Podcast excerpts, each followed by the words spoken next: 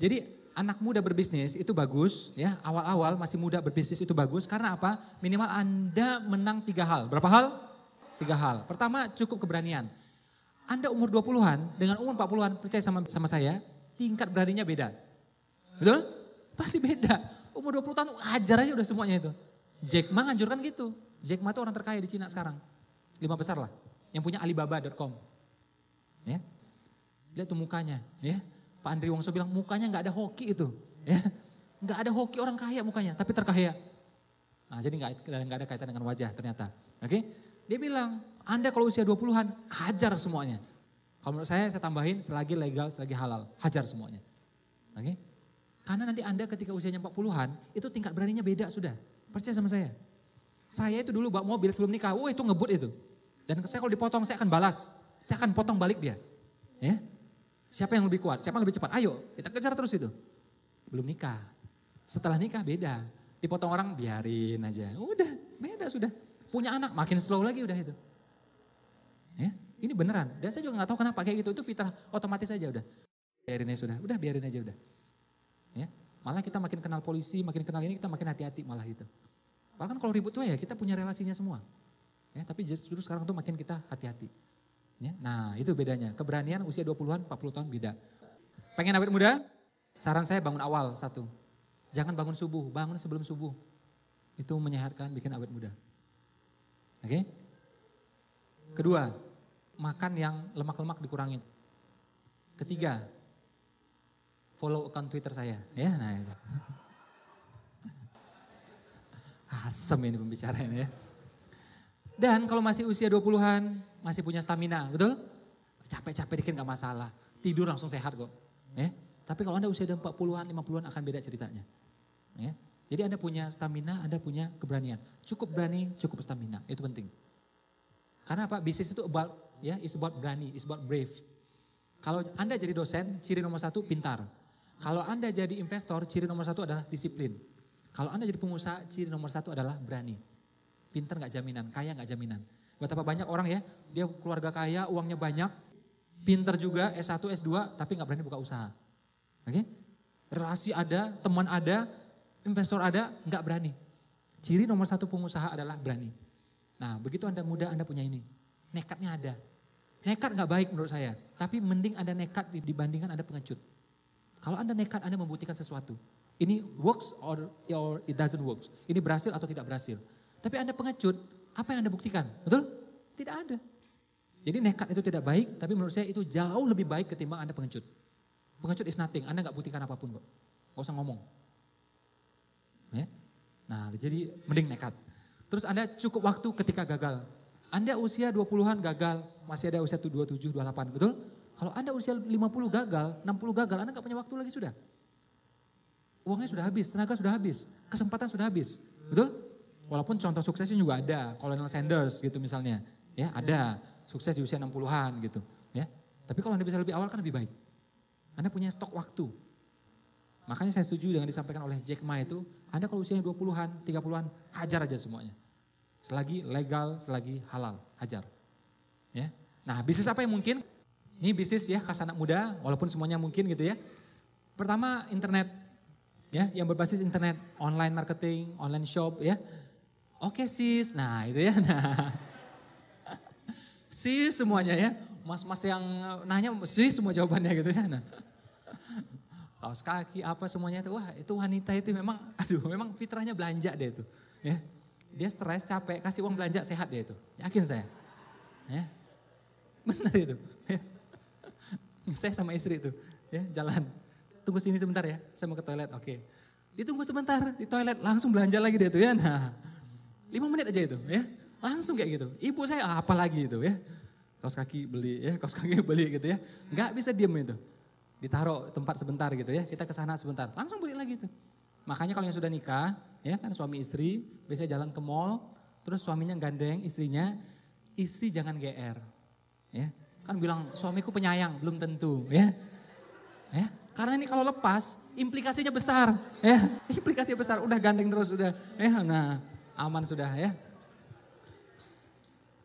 Coba tuh ya, misal nih perempuan, misal mau beli apa? Kaos kaki buat anak. Di mana? Misal di ya, belanja di sana, misal di metro, ya. Itu kan harusnya 10 menit putus itu. Dari sini, tempatnya di sana, udah langsung zet gitu, ya. Kalau cowok pasti langsung gitu tuh, langsung ambil jalan diagonal, zet langsung ke sana. Nah wanita beda, tawaf dulu di sini, ya, sa'i lagi di sini, ya, gitu melontar di sini, lontar uangnya di sini, gitu, ya. Akhirnya perlu waktu 2 jam 45 menit, ya. Total costnya ya 500 ribu, ya. Kos kakinya 20 ribu aja, ya. Nah, itu fitrahnya wanita seperti itu, ya. Nah, jadi kalau Anda jual, makanya Zalora ngambil uh, fashion, karena menurut survei mereka, orang belanja online nomor satu adalah fashion. Ya, itu surveinya Zalora. Jadi ngapain dipikir yang lain? Ngapain jual yang lain? Langsung dia jualan seperti itu. Ya, dan orang Indonesia ngabiskan waktunya sehari, anak-anak mudanya, orang-orang kotanya ngabiskan waktu 5 jam lebih sehari di depan handphonenya atau komputernya. 5 jam sehari loh. Ya, di antara 5 jam itu kan capek juga, enaknya shopping. Ya kan? Nah itu. Dan anehnya jam shopping itu adalah ketika mereka habis stres bekerja ternyata. Itu surveinya Zalora. Jadi kerja stres gitu kan, jam 12 langsung shopping. Ah, senang dia udah. Ya, besok nanti jam 1 kerja lagi dia. Ya, Nah, seperti itu. Jadi shopping itu menyenangkan. Gak percaya tanya ibu-ibu ya. Nah, makanya ada pepatah mengatakan ya, kalau Anda bilang uang tidak bisa membeli kebahagiaan, berarti Anda tidak tahu tempat shopping itu di mana katanya ya. Nah, atau Anda memang bisnisnya berbasis software ya, atau yang tadi tadi itu tradingnya, kita jualannya. Atau Anda softwarenya. Makanya orang-orang terkaya zaman sekarang yang muda-muda itu pasti rata-rata mainnya di software. Betul? Atau application. Facebook, betul? Kaya. Terus siapa lagi? Nah, kalau zaman sekarang turunannya lagi nih, apps namanya. Gojek misalnya. Ah, itu pinternya dia tuh. Ya. Ketika lagi krisis, ekonomi nggak sanggup apa-apa, tapi kan tetap orang perlu kendaraan. Perlu nyampe, betul? Nah, itu namanya needs ada wants. Pengusaha itu harus fokus pada needs apa, wants itu apa. Oke? Okay? Yang penting nyampe gitu loh. Gimana cara nyampe? Ah, pakai Gojek. Tapi infrastruktur mahal, ya udah pakai ojeknya orang lain, kerjasama selesai, langsung bisa. Ini juga ilmu yang dipakai oleh Facebook, ya. Gimana cara daftarnya? Anda harus punya email. Email udah punya semua kan? Langsung dapat. Ya. Gojek caranya gitu. Apa infrastruktur yang udah ada dipakai, langsung besar. Ya. Nah, YouTube juga gitu tuh. Eh sorry, si Twitter, ya. Twitter, nah infrastruktur ini sama dia dibikin apa? Yang suka video namanya apa? Periscope. Nah, dia ambil infrastruktur dari sini. Pindahin ke sini aja. Daripada bikin dari nol lebih capek, ya. Apps ya, sukses ya, Gojek, GrabBike, Mana yang lebih kaya, GrabBike atau Gojek? Kalau data yang saya dapatkan, ownernya lebih kaya GrabBike. Karena dia kapitalisasinya di berapa negara. Dia dapat untung bukan dari ojeknya, tapi dari pemodalannya. Ya, walaupun hebohnya di Gojek, tapi duitnya lebih gede sih GrabBike. Uber lebih gede lagi duitnya. Uber itu, Anda bayar ya, naik taksi berapa? 100 ribu. 100 ribu tuh untuk si drivernya. Dia nggak dapat itu. Untung dari mana? Lagi-lagi kapitalisasinya. Ya, dia besar sekali karena apa? Berada lebih dari puluhan negara. Dia jauh lebih kaya, walaupun tidak terkenal. Kita tahunya Gojek, karena Gojek itu kelihatan, fisiknya kelihatan. Ya. Itu kemarin kita cobain kan, kita cobain yang Uber itu, itu luar biasa. Ya. Dia bilang, abang saya udah beli mobil ini. Saya minggu depan ambil mobil. Itu drivernya coba. Minggu depan saya mau beli mobilnya dulu. Gila itu. Ya. Yang pertama-pertama masuk di Uber bahkan bisa dapat, dia katanya sampai 6 mobil waktu itu. Ya, dia sewakan lagi ke orang lain semuanya. Ya, nah itu si Uber ya. Kalau fashion ya sekarang lihat tuh yang muda-muda seperti Mbak Dian Pelangi itu juga luar biasa, usia masih 20-an, termasuk dalam 500 toko fashion berpengaruh di dunia, luar biasa. Tampil di New York, ya tampil di mana-mana gitu. Itu luar biasa menurut saya. Ya. Memang benar, dia oke okay lah keturunannya memang ya ibunya punya bisnis fashion gitu, punya bisnis uh, pakaian gitu. Ya, tapi berapa banyak orang yang kayak gitu tidak bisa memanfaatkan, betul? Dia bisa manfaatkan secara baik.